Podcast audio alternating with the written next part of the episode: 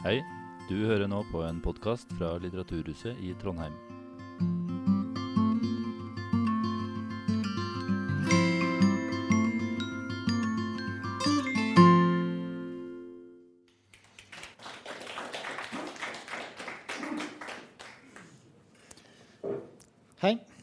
Heter altså Asbjørn Dyrendal. Jeg er religionshistoriker ved NTNU, men jeg jobber nå stort sett med det jeg skal snakke uh, om for dere.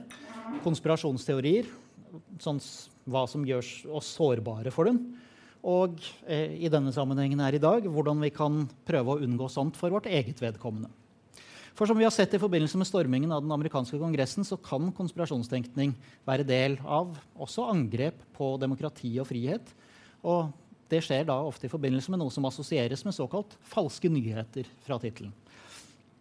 Det siste det er da et ord jeg egentlig ikke er noe veldig glad i. Fordi det for det første er en elendig oversettelse fra engelsk.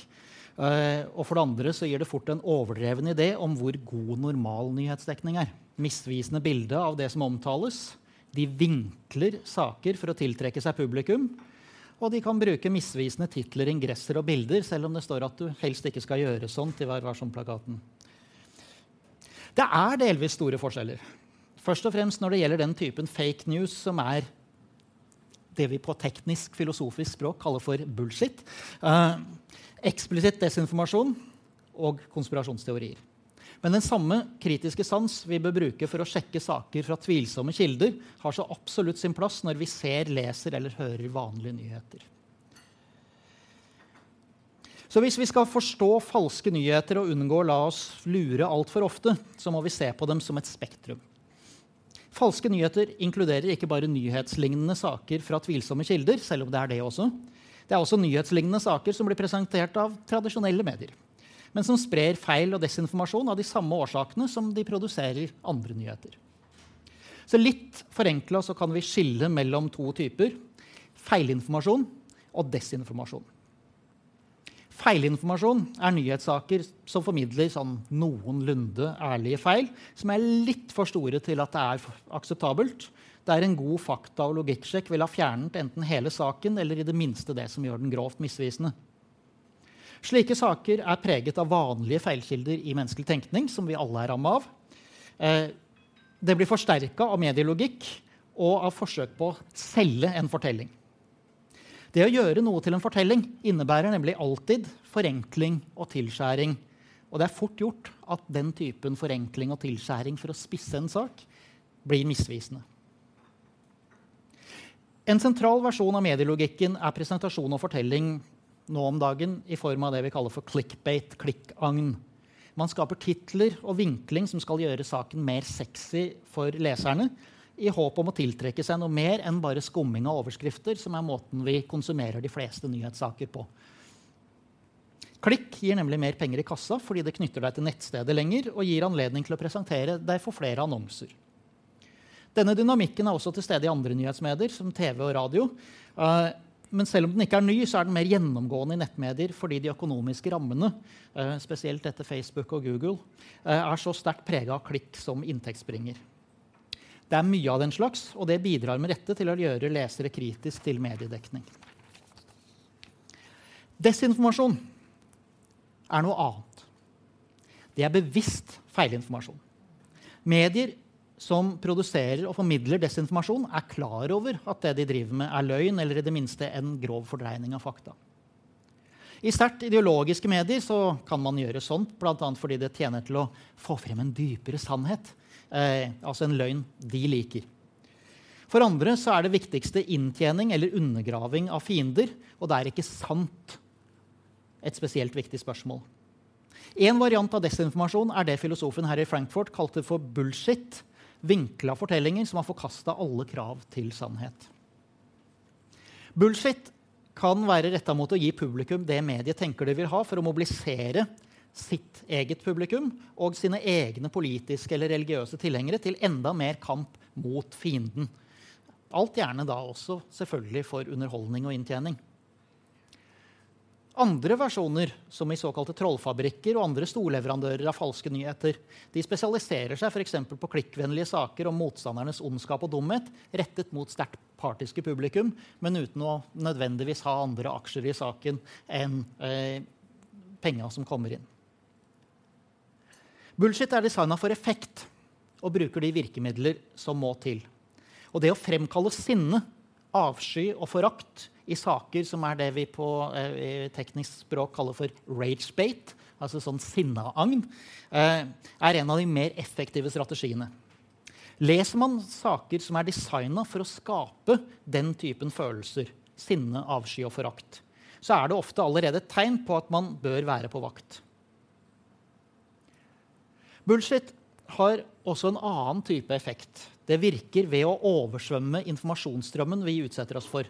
'Flooding the zone with shit', som Steve Bannon uttrykte det. Slik at det blir vanskelig for vanlige mennesker å orientere seg i hva som kan være sant, og hva som er usant. Og da griper vi også enklere til apati eller til det andre folk som er litt som oss, ser ut som de tror på. Bullshit i det formatet kan være én versjon av desinformasjon. En annen det er propaganda. Propaganda er en type informasjonskrigføring som maskerer seg som ekte nyheter. Den enkleste og muligens vanligste versjonen her er påvirkningsagenter, som f.eks. medierådgivningsbyrå, som skriver og vinkler saker som går mer eller mindre direkte inn som en nyhet. Slike agenter jobber på vegne av en oppdragsgiver for å selge inn egne saker og vinkler, og, eller for å beskytte oppdragsgiveren mot kritikk. Det siste inkluderer også tvil om kilder og påstander som kan skade oppdragsgiveren. Eh, 'Poisoning the well', eh, som det heter i, i fagspråket. Altså Du forgifter eh, tiltroen til kilden. Og kan f.eks. si at den, den sprer bare konspirasjonsteorier. Du kan ikke tro på noe de sier. Vi skjelner mellom svart, grå og hvit propaganda. Og Det er de to første som er interessante for oss. Det er de som kan ha noe med fake news og konspirasjonsteorier å gjøre. Svart propaganda er en spesiell type. Den inneholder tilsynelatende kompromitterende informasjon om en eller annen annen gruppe. Og de som står bakom, de forsøker å utgi propagandasaken for å være motstanderen selv som snakker.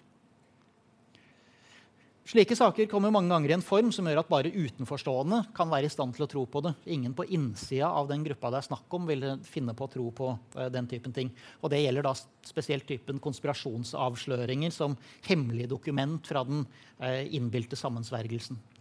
Wicca letters eller eh, Sions vises protokoller eller andre typer eh, hemmelige avsløringer fra innsiden av sammensvergelsen. Den er sjelden fryktelig, fryktelig viktig. Grå propaganda er viktigere og mer innflytelsesrikt i mange sammenhenger. Det er saker med uklar avsender og tvilsom, men ofte blanda sannhetsgehalt.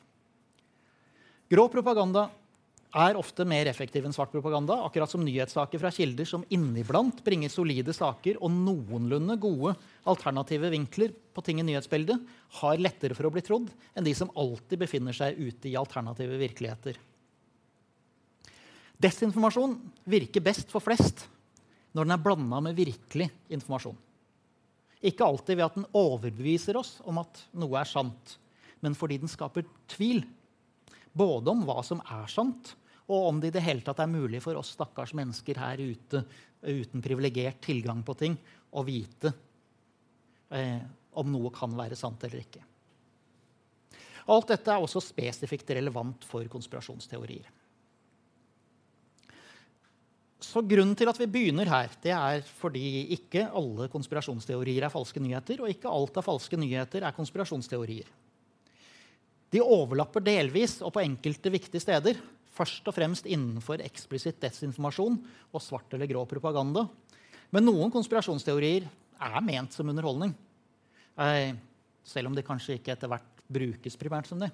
Og svært mange er variant, varianter over temaet selvbedrag. Ingen av oss er immune mot det. Noe feilinformasjon er bare vi som lurer oss selv til å tro at noe er bedre belagt enn det er. Og det er det som er interessant. Fordi de de som er flinkest til å lure oss, det er oss selv. Så hvorfor og hvordan gjør vi det? Og hva er det som er spesifikt ved konspirasjonsteori og konspirasjonstenkning?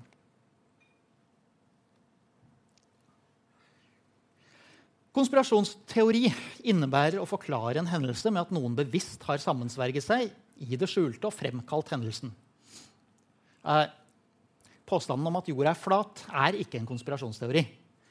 Det er bare veldig dårlig betraktning om hvordan verden henger sammen.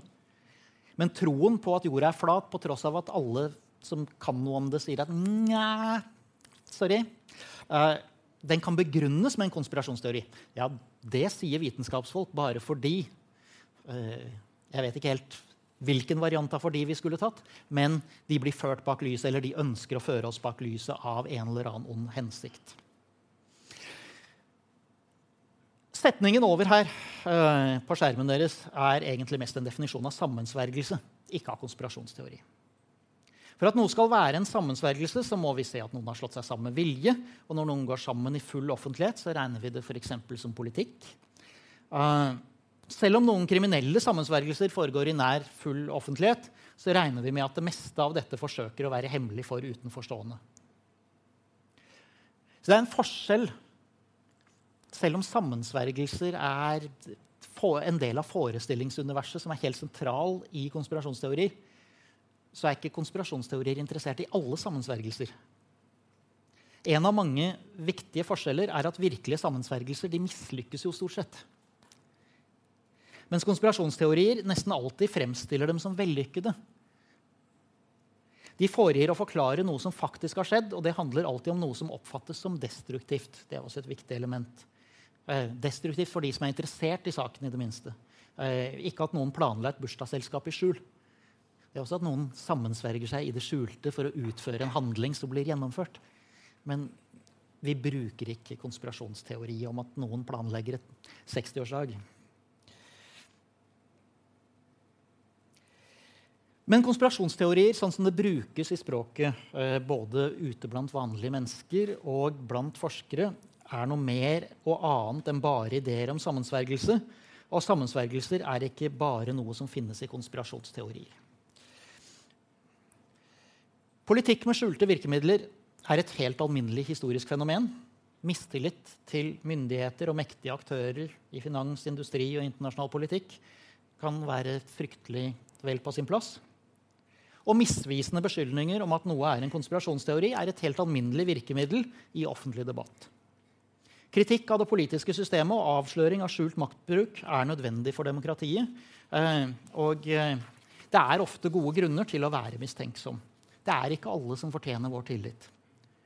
Problemet med konspirasjonsteorier er ikke nødvendigvis troen på sammensvergelser. Det er tilbøyeligheten til å gjøre mistanken om at noen sammensverger seg, til en konklusjon om at det må være sånn, for jeg mistenker det. Uten vilje eller evne til å undersøke om ting er sant.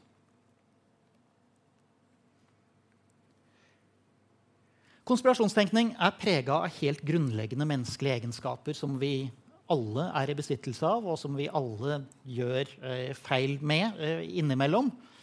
Men denne tenkninga er utført i ofte overdreven form. Vi må kunne se sammenhenger. Men konspirasjonsteorier konstruerer sammenhenger der de ikke finnes. Og jo flinkere vi er til å se mønstre som ikke finnes, jo mer sårbare er vi for konspirasjonsteorier. Vi må også kunne innse at andre mennesker er som oss selv de har en egen vilje, og de kan samarbeide. Og det kan de også gjøre når vi ikke er til stede. De kan samarbeide bak vår rygg.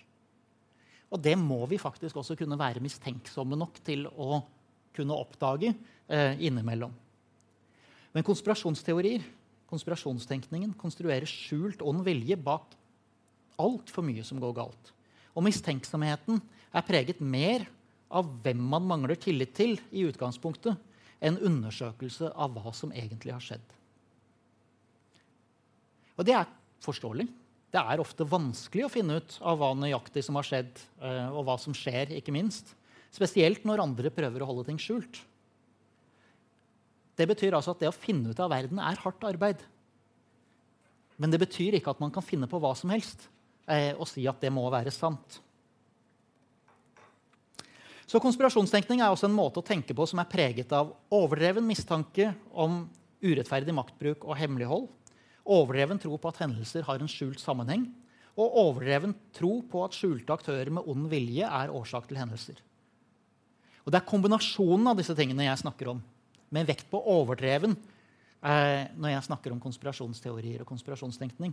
Og det er det som kjennetegner dem som tenker mest konspiratorisk, eh, selv om vi kan se det på en sånn normalfordelingskurve, sånn at du får mer av det jo hardere du tror på flere konspirasjonsteorier. Disse trekkene her til sammen ender da gjerne opp som et etablert fortellingsmønster dere møter i både film og litteratur, eh, nemlig melodrama. og Det er en av måtene det spres på. Melodramatiske fortellinger og konspirasjonsfortellinger har ofte følgende fellestrekk. De presenterer et univers med enkle skiller mellom godt og ondt, der alle interessante skikkelser er enten ofre, skurker eller helter. Intrigen inneholder fortellinger om skurkenes groteske gjerninger. Det er det som skal skape moralsk forargelse, sinne og frykt i konspirasjonsteorien. Vår side de uskyldigste fra vår side blir utsatt for urettferdig lidelse, og heltene må fikse det. Skurkenes ondskap og groteske gjerninger påkaller heroisk handling som skal gjenopprette en rettferdig verden. Dette er del av spenningskurven i fiksjonsfortellingene og del av politisk mobilisering i de politiske konspirasjonsteoriene. Eh, bildet her er et QAnon-meme fra valgkampen i 2020 Eh, monster i bildet er derimot fra motkandidaten fra valgkampen i 2016. Og det fins enda drøyere heltefantasier og illustrasjoner om Trump i det tankeuniverset der. Konspirasjonstenkning følger noen underliggende mønster der ingenting er tilfeldig, ingenting er hva det utgir seg for å være, og alt henger sammen. Han som eh, formulerte det på den måten her, eh, statsviteren Michael Barkin, så på forløperne, eh, viser det seg da i ettertid, eh, forløperne til QAnon. Der teoriene inngår som en sentral del av verdensbildet til de som tror på eh, de enkelte konspirasjonsteoriene. Men jeg har jobba med den typen kultur i mange år. Og så begynte jeg å jobbe litt mer med sånn spørreskjemamateriale og se på vanlige folk. Og sånn. Og når vi ser nærmere på vanlige folk, så ser vi mye av det samme. De som begynner å tro på én konspirasjonsteori, de lærer seg en måte å tenke på som gjør at de fort tror på flere. Og når man har lært seg å tenke med slike uvaner, så blir de brukt til å lage stadig mer omfattende teorier. Og Det kan vi se på denne normalfordelingskurven, hvordan den eh, flater ut. Og hvordan eh, de samme trekkene er til stede i litt mindre grad på de som tror litt på noen, og stadig sterkere grad på de som tror mer på flere. Ja, så skal jeg da illustrere dette her med et gammelt, men tilbakevendende tema fra konspirasjonskulturen. Eh, nemlig Illuminati og det altseende øyet. Og bare sånn at dere er advart, eh, Nå kommer det en masse eksempler eh, sånn etter hvert. Eh, det er alle, tror jeg. Jeg tror ikke jeg har eh, tatt fram noe fiktivt. i det hele tatt. Jeg tror det er konkrete eksempler alt sammen jeg har på slidesene her fra reell konspirasjonslåre på nett. Eh, de er valgt ut fordi de er tydelige. Det de er også eksempler når vi kommer til tankefeilene og hvordan vi kan unngå dem. Eh, men eh, de er tydeliggjort, sånn at dere ikke skal tro at alle er sånn. Men det er altså sånn ute i høyresida av normalfordelinga. Illuminati, eller Illuminatus, fantes virkelig.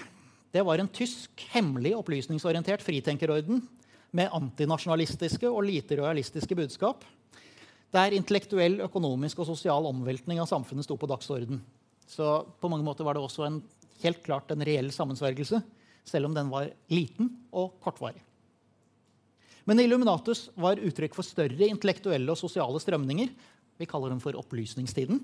Eh, og etter at organisasjonen ble forbudt og mange deltakere arrestert og andre flyktet, eh, ble lignende tankegods ikke det samme selvfølgelig, tatt i bruk under den franske revolusjonen. Spekulative krefter knyttet revolusjonen til den forbudte gruppen. og Dette her skjer delvis under og delvis direkte etter den franske revolusjonen. Eh, og I vår tid brukes den historiske bevegelsen til å si se, her er det en historisk sammenheng. Denne svære sammensvergelsen har eksistert lenge, og den har hatt kjempemessige konsekvenser over lang tid. Så de bruker feiltolkning av hvem og hva Illuminatus var, til å trekke historiske forbindelser og legitimere moderne konspirasjonsteorier ved å gi den store sammensvergelsen de forestiller seg, historiske røtter. Og da kommer dette bildet av det altseende øyet godt med. Det er et lite problem med den bruken av dette altseende øyet. Og det er at det var aldri et symbol for det historiske Illuminatus. Det symbolet som knyttes til Illuminati, stammer fra denne, denne sammenhengen ikke fra Tyskland og Illuminati, men fra USA.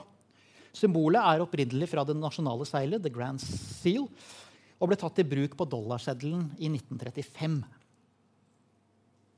Antidemokratiske konspirasjonsteorier om staten skjøt fart i det høyreradikale landskapet i denne perioden, frem mot og etter den andre verdenskrig. Og det var i dette miljøet at forbindelse mellom denne øyet i trekanten og Illuminatus ble diktet opp. Og det skjedde eh, på 1950-tallet.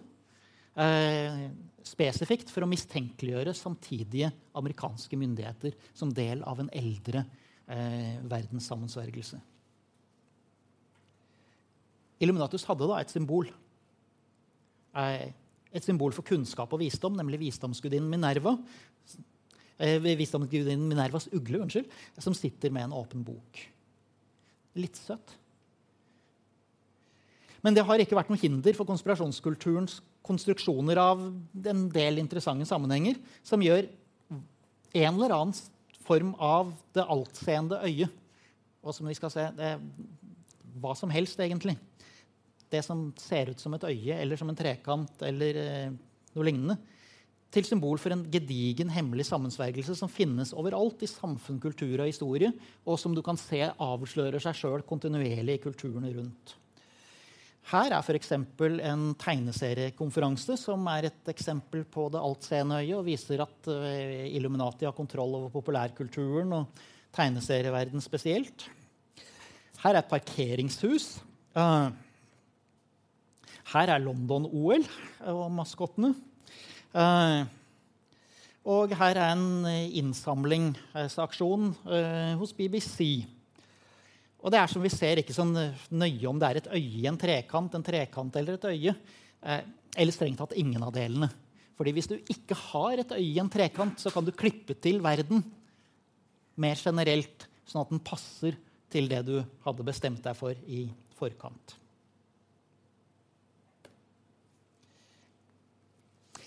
Sånne tenkesett som setter fantasien fri til å finne bekreftelser på egne fordommer overalt, som overdriver likheter og mangler kritisk vurdering, gjør det lett å lage konspirasjonsteorier. Men hvis vi skal finne ut av verden, virkelig finne ut av verden, inkludert å finne virkelige sammensvergelser, ja, da må vi unngå tankefeilene konspirasjonsteorier er gjennomsyret av. Vi må vurdere kritisk, justere ideene våre med nye bevis og sørge for at det henger sammen både logisk og med fakta. Er vi overdrevent mistenksomme til alt som kommer fra andre, aksepterer å begå tankefeil og overtolker informasjon og aksepterer desinformasjon, så kan vi ikke oppdage virkelige sammensvergelser. Og selv når vi snubler over dem, så ender vi fort opp med å skylde på noen helt andre enn dem som faktisk står bakom.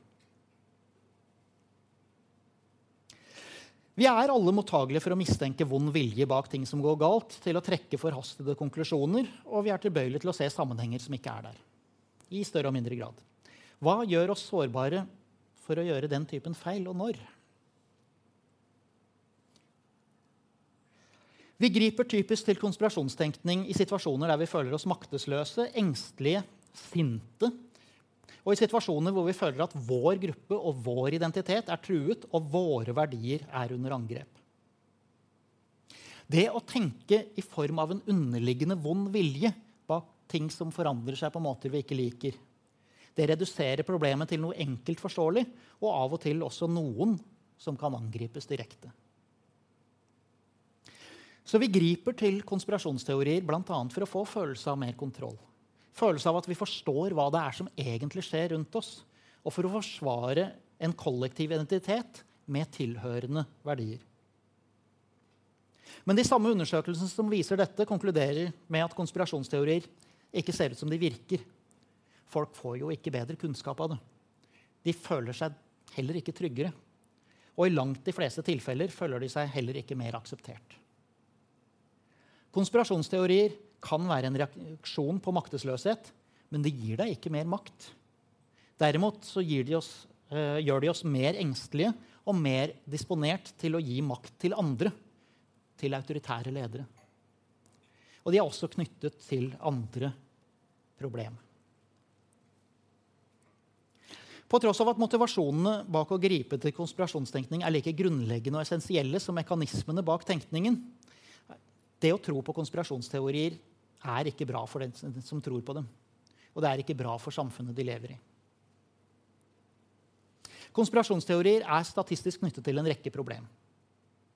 Som med alt annet jeg sier her, så er det ikke alle og alltid, men en tydelig sammenheng når vi ser på større mengder og ser på sånn statistisk fordeling, og vestlige, eh, først og fremst eh, noenlunde stabile demokrati og noen tilsvarende data fra enkelte andre land som peker i samme retning. Og så er det sannsynligvis en del viktige kulturelle og historiske forskjeller i områder som aldri har opplevd eh, noenlunde stabile demokrati. Vi kan se de to første her på tre forskjellige måter. Folk som sliter, de tenker dårligere. Og de griper dermed lettere til konspirasjonsteorier. Eller folk som griper oftere til konspirasjonsteorier, får det dårligere med seg selv, og de får det dårligere med andre mennesker rundt seg. Eh, eller det er en kombinasjon der både det å slite og det å tenke konspirasjonsteoretisk eh, påvirker hverandre. Sannsynligvis er det et litt blanda bilde. Eh, noe for noen, noe annet for noen andre, og eh, mest av det siste for flest, kanskje. De to siste momentene her, eh, med eh, kriminalitet og vold, handler bl.a. om normendring som resultat av eller som en sammenheng med konspirasjonsteorienes presentasjon av hvordan andre mennesker rundt dem er. Hvorfor skal jeg adlyde lover når loven er korrupt og makta bryter alle lover ustraffa? Hvorfor ikke bruke vold når det er den enkle løsningen som ser ut som den virker? Eh, og det er en enkel løsning på et ondt system som ikke lar seg endre på annet vis. Og konspirasjonstenkning er preget av troen på enkle løsninger, også på sammensatte, kompliserte problemer.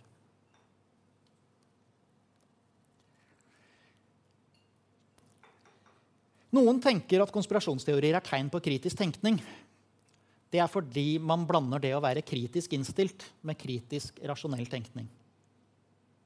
Men selv det å tenke på konspirasjonsteorier sånn allment som kritisk innstilling blir gjerne galt. Ja, det er veldig vanlig rundt omkring oss i samfunnet, spesielt i Norge kanskje, å tro at konspirasjonsteorier er opprørske. At de bryter med konsensus og kritiserer makta. Men veldig ofte så er konspirasjonsteorier en måte å beskytte makta på. Vi ser det ekstremt tydelig i konspirasjonsteoriene Trump-fansen fremmer, som hadde til hensikt å annullere valgresultatet og holde ham og dem ved makta. Det er hele kategorier konspirasjonsteorier som først og fremst er støtte til autoritære regimer og til myndigheters dominans over andre. Men også andre konspirasjonsteorier brukes til å forsvare eller frikjenne makthavere for ting som går galt, ved å legge skylda på noen andre. Strategisk, selv om de utgir seg for å være noe annet. En annen konsekvens av konspirasjonsteorier er økning i generell og spesifikk mistillit. Det å bli utsatt for konspirasjonsteorier om andre grupper i samfunnet ikke bare øker mistillit, sosial avstand og uvilje mot den konkrete gruppa. Over tid, viser forskninga til noen av mine britiske kolleger, så smitter det også til andre grupper i samfunnet. Og Noe lignende ser vi for andre konspirasjonsteorier. Når man først har grepet til konspirasjonstenkning, så senker det tilliten til de fleste som står utenfor konspirasjonsteoriene, og øker troen på flere konspirasjonsteorier. Dette bidrar til radikalisering. Når man tenker i moralsk svart-hvitt, der fienden er så ond og mektig at den ikke kan motarbeides på vanlig vis, men må ødelegges, så medfører det at de som vil ta opp kampen, gjerne må jobbe på andre premisser enn demokratiske og fredelige. Konspirasjonstro øker aksept for og vilje til å bruke vold. Det er derfor ikke så rart at konspirasjonsteorier er vanlig i ekstremistiske grupperinger, og at ekstremistgrupper som fremmer konspirasjonsteorier, er mer voldstilbøyelige enn grupper som ikke eh, fremmer den typen tenkning. Så må vi ikke overdrive. Konspirasjonsteorier finnes overalt. Men de kan få sterkere konsekvenser i enkelte miljøer enn i andre miljøer.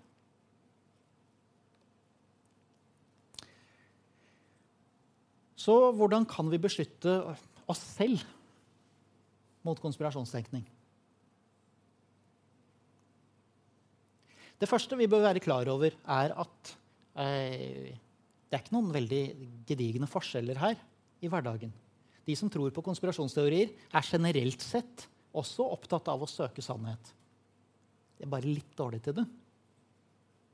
Hvis vi tar utgangspunkt i spørreskjemavirkeligheten, eh, så ser det ut til at de bruker mer ideologiske nisjemedier og sosiale medier for å danne seg oppfatninger, men at de i gjennomsnitt er like motivert til å tenke kritisk og rasjonelt. Men de er altså dårligere til å gjennomføre det. De bruker i praksis magefølelsen, intuisjon. Jeg kjenner det på meg og glemmer å stille sentrale kritiske spørsmål til ting som passer med det de enten liker å tro, eller det som gjør dem redde og sinte. Og det er en ting med noen av disse følelsene. De stenger eh, Angst åpner sinnet vårt for å prøve å finne ut av hva det er som egentlig skjer. på et eller annet vis. Det kan være veldig vanskelig, og så kan vi gjøre oss roligere ved å legge skylda på noen. fordi da vet vi hvem det er, og da blir vi sinte på dem, og da lukker vi sinnet igjen. Veldig forenklet. Konspirasjonstenkere bruker altså i praksis magefølelsen, intuisjonen, og glemmer å stille de spørsmålene. Analytisk, kritisk tenkning er sammensatt, langsomt, og det krever trening av oss jevnlig og hverdagslig å gjennomføre det mer konsekvent. Og for å være helt ærlig, folkens, det tar jo så mye tid. Eh, det er slitsomt. Det er en grunn til at vi stort sett eh, reagerer med det med utgangspunkt i det vi har av informasjon fra før, og det folk rundt oss tenker, og eh, hva vi syns virker rimelig. Det andre det tar jo så fryktelig mye krefter. Så er det forskjell på motivasjoner.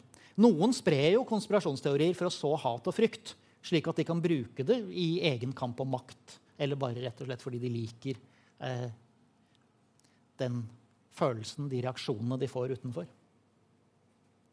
Faktasjekk det tar jo gjerne lang tid, og vi er mest sårbare når det foregår ting vi ikke skjønner, og vi fortsatt er redde eller sinte. Og Det er da falske nyheter som appellerer til disse følelsene, er mest virkningsfulle. Så Det første vi kan lære oss til, det er å slå på bremsene. Vent litt. Det er sannsynligvis ingen som vet dette her ennå. Det, er, det Vente til vannet klarna litt, som det het i gamle dager. Når folk faktisk var ute og eh, så vann som var litt eh, opprørt.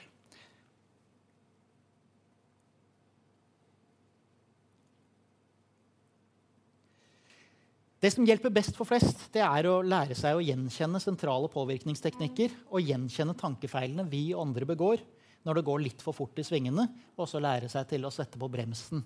At eh, å ja, her er noen som vil ha meg til å være sint. Ja, ja, kanskje det. Gi meg litt tid, la meg sjekke det der litt nærmere hvis det er. Det, det er ikke sikkert det er verdt det. Noen av disse tankefeilene har vi allerede vært innom.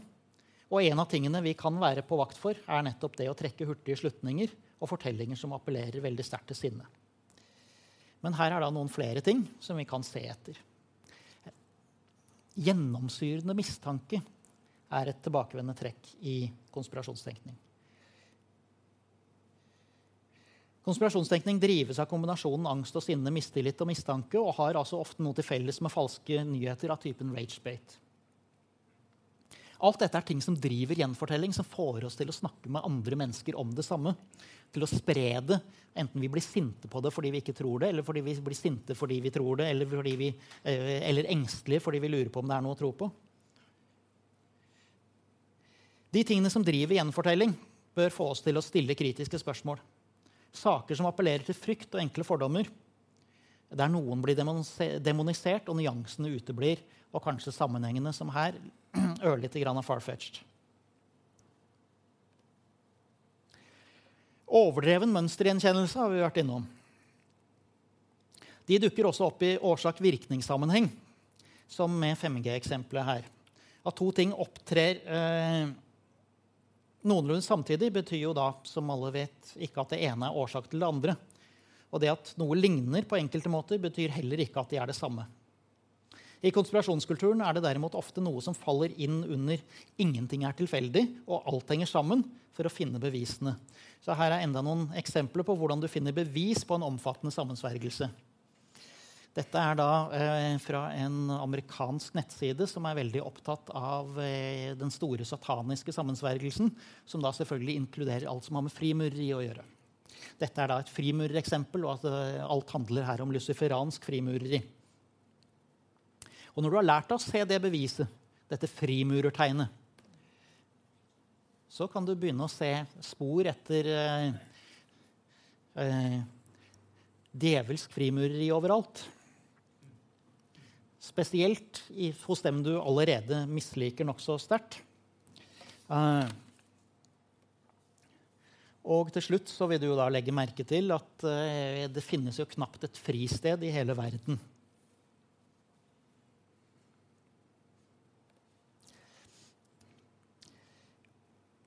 Forhastet konklusjon eller lat induksjon eh, En av de tingene som går galt i det meste av konspirasjonstenkning, det er at man trekker kjappe slutninger basert på magefølelsen.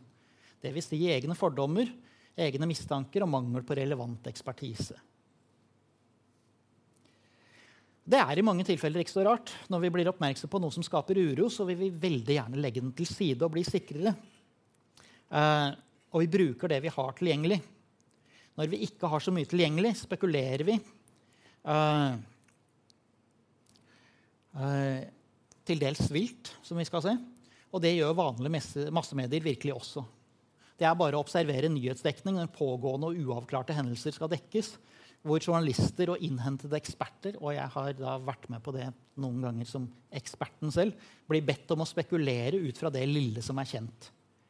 Men det er da viktig å vite at dette er ikke kunnskap. Dette er spekulasjoner med utgangspunkt i det vi tror vi vet akkurat nå.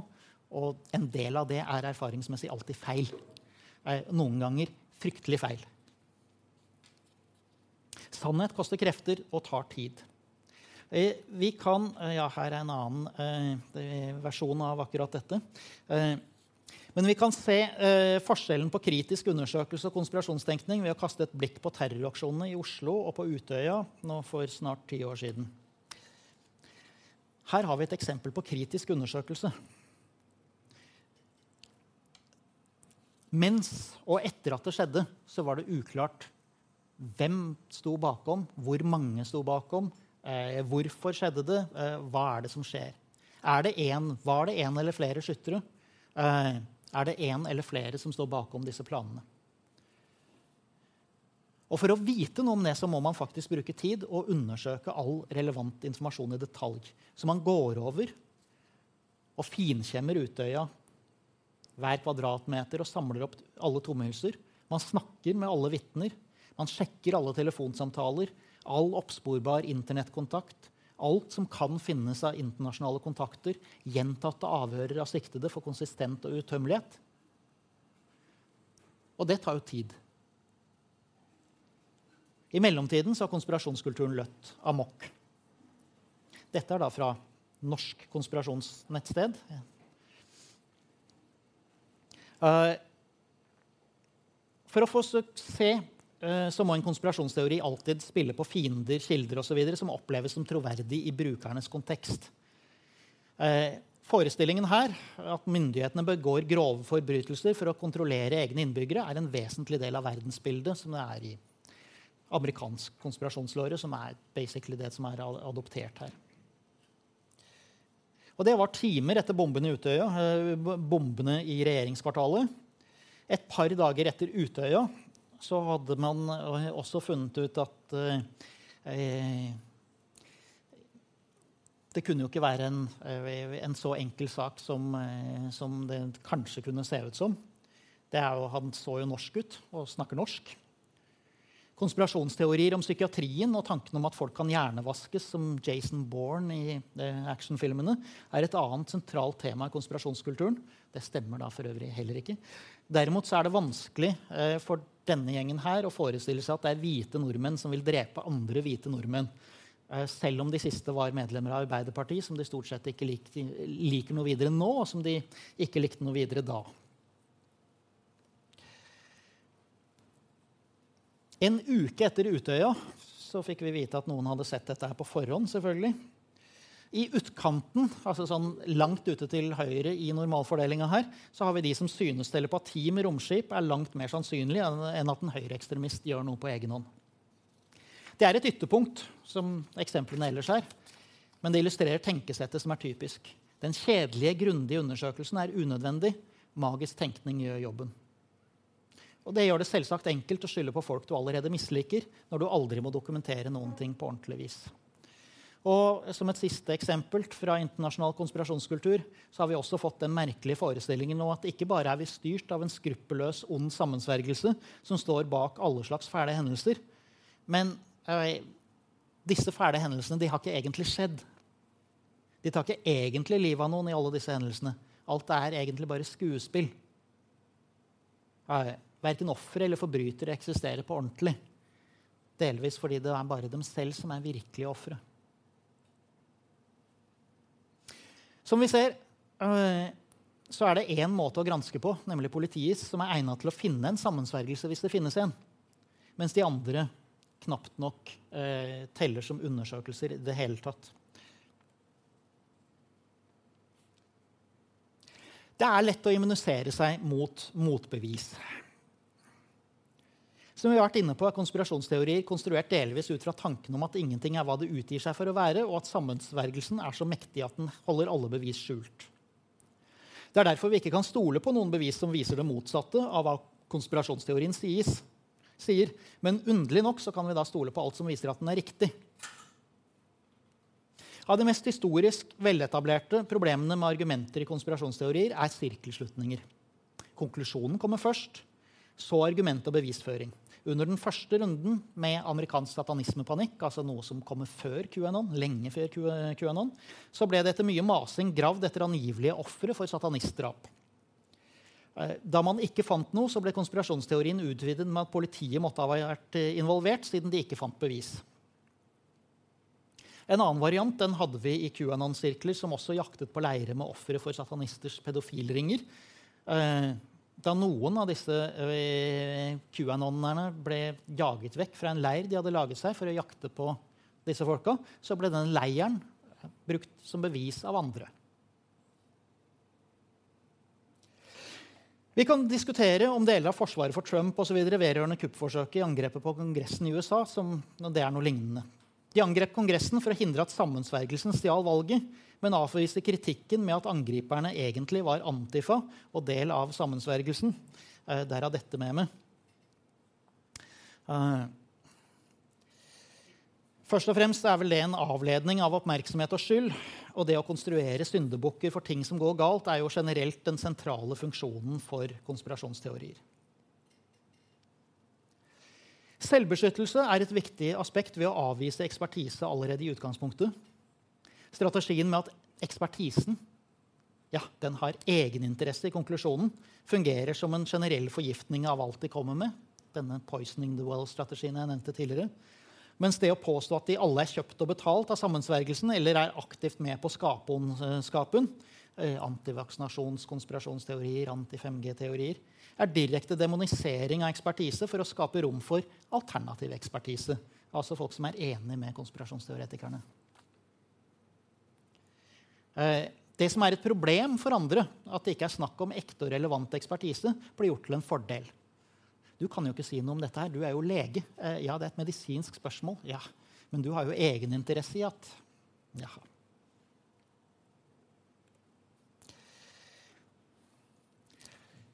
Fordi denne kontraekspertisen er jo da viktig å, eh, å, kunne legitimere på et eller annet vis.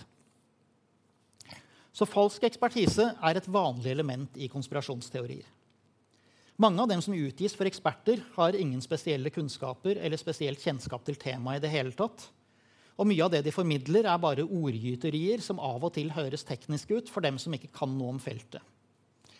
Eh, jeg har vært borti uavhengige vaksineforskere som viste seg å være eh, en økonom uten noe som helst eh, kunnskap om medisin i det hele tatt. Andre uavhengige vaksineforskere var healere. Vi har ingeniører for sannhet om 11.9. som viser seg å være EDB-ingeniører uten noe bygningskunnskap. Og jeg har vært borti strålingseksperter som leter etter stråling med ønskekvist og ikke vet at radiobølger og sollys er stråling. Eh, noen av dem som brukes i rollen som falsk ekspertise, er faktisk forskere. Men de er nesten aldri spesialister på feltene de snakker om. Og de blir gjerne sett på som skrullinger i fagfeltet. En annen retorisk strategi er å gi uttrykk for at mange eksperter mener. Eller mange mener, som Trump pleide å si. A lot of people say. Uten at det fremkommer verken hvor relevant ekspertisen er, eller hvilken andel det er snakk om. For noen år siden var Project Steve et oppfinnsomt tilsvar til kreasjonisters kamp, eh, kampanje mot evolusjonsbiologi, som brukte nettopp denne strategien. Eh, man skaffet altså til veie en del eh, naturvitere som gikk mot evolusjonsteorien på bibelsk grunn. Project, Project, Steve var en liste med biologer som het Steve, som tok avstand fra denne kampanjen fra kreasjonisthold. Og de alene, antallet biologer som het Steve, var mange mange flere enn de som sto på den andre lista. Det er altså sånn bulk fake expert og magnified minority i, i denne oversikten. Andre teknikker man kan se etter, og som eh, stadig vekk dukker opp i mye vanlig mediedekning, er det som kalles falsk balanse og konstruert debatt, der en enorm mengde kunnskap og ekspertise finnes som peker i én retning, mens man så forsøker å gjøre det at noen hvem som helst egentlig, mener noe annet til utgangspunkt for at de må stilles på like fot. Overdreven forenkling. Nesten alle hendelser ute i verden som trekker, altså de har sammensatte årsaker som trekker sammen på komplekse måter. Og det er til sammen de forklarer, forklarer hva som skjer. Verden er vanskelig. Men ikke hvis man er drevet av mistanke, mener og enkle fortellinger. Da tvillingtårnene falt under terroraksjonen i USA 11.9.2001, så var det fort mange som mente at de kunne se med egne øyne at det måtte være en kontrollert rivning. For det lignet jo. Og hvor mange tilfeller hadde de da egentlig sett av fallende skyskrapere som eh, var noe annet? Senere kom da den korte og T-skjortevennlige versjonen Jet Fuel Can't Melt Steel Beams, som er et forenklet argument mange kunne bruke. Problemet for dem som er interessert i genuine forklaringer, er selvsagt at ingen har argumentert for at det var forklaringen. Det er ikke et valg mellom én enkelt årsak og en annen enkeltstående årsak. I virkeligheten er det en lang rekke faktorer som virker sammen. Kravet om overdrevent enkle forklaringer er i virkeligheten også et umulig krav. Gi meg ett enkelt bevis som en gang for alle viser at holocaust foregikk som de sier er faktisk noe du kan se i holocaust-benekterstrategier jeg har møtt sjøl. Store, komplekse hendelser kan imidlertid ikke dekkes av et enkelt datum. Vis dem ett av mange bevis for holocaust, så beviser det ikke alle andre ting ved holocaust. Og hvert enkelt av dem kan trekkes i tvil ved hjelp av andre strategier.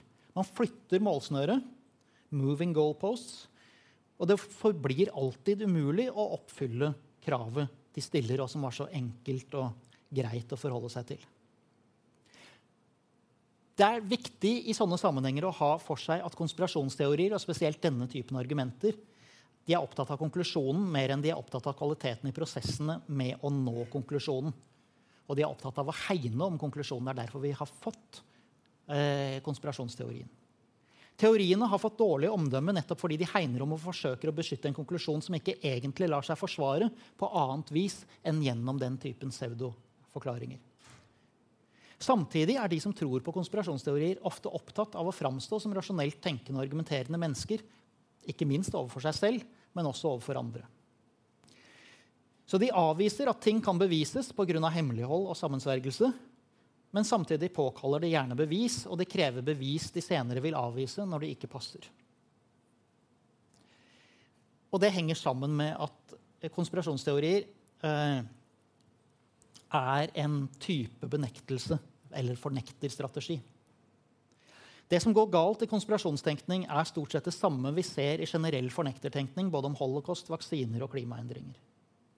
Det er noen få ting som er mer spesifikt for konspirasjonsteorier som går utover vanlig fornektervirksomhet, og de er her. Dette er fra en uh, amerikansk kollega, eller det si han er vel opprinnelig australsk, John Cook. Og noe han laga uh, sammen med en, uh, en annen kollega, Steve Lewandowski. Konspirasjonstenkning er noe mer preget av direkte og umiddelbar mistenksomhet. Det er noe muffens her. Noe som gjør at alle negative hendelser kan tas inn i konspirasjonsteoriene.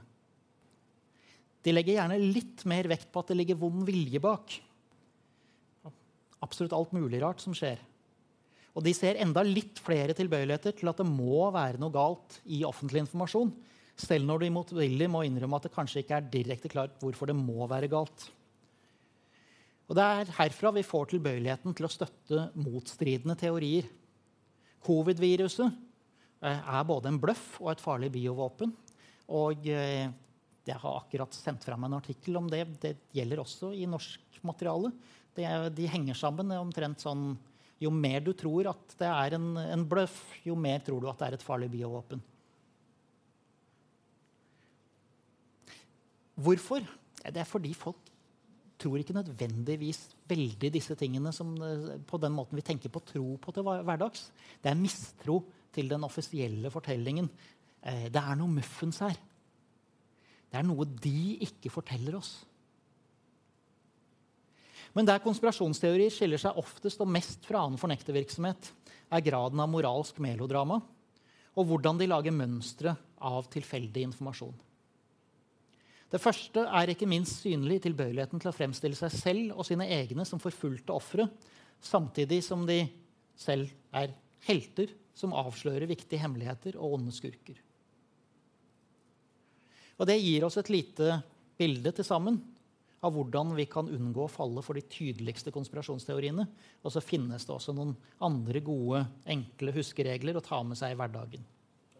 Mm.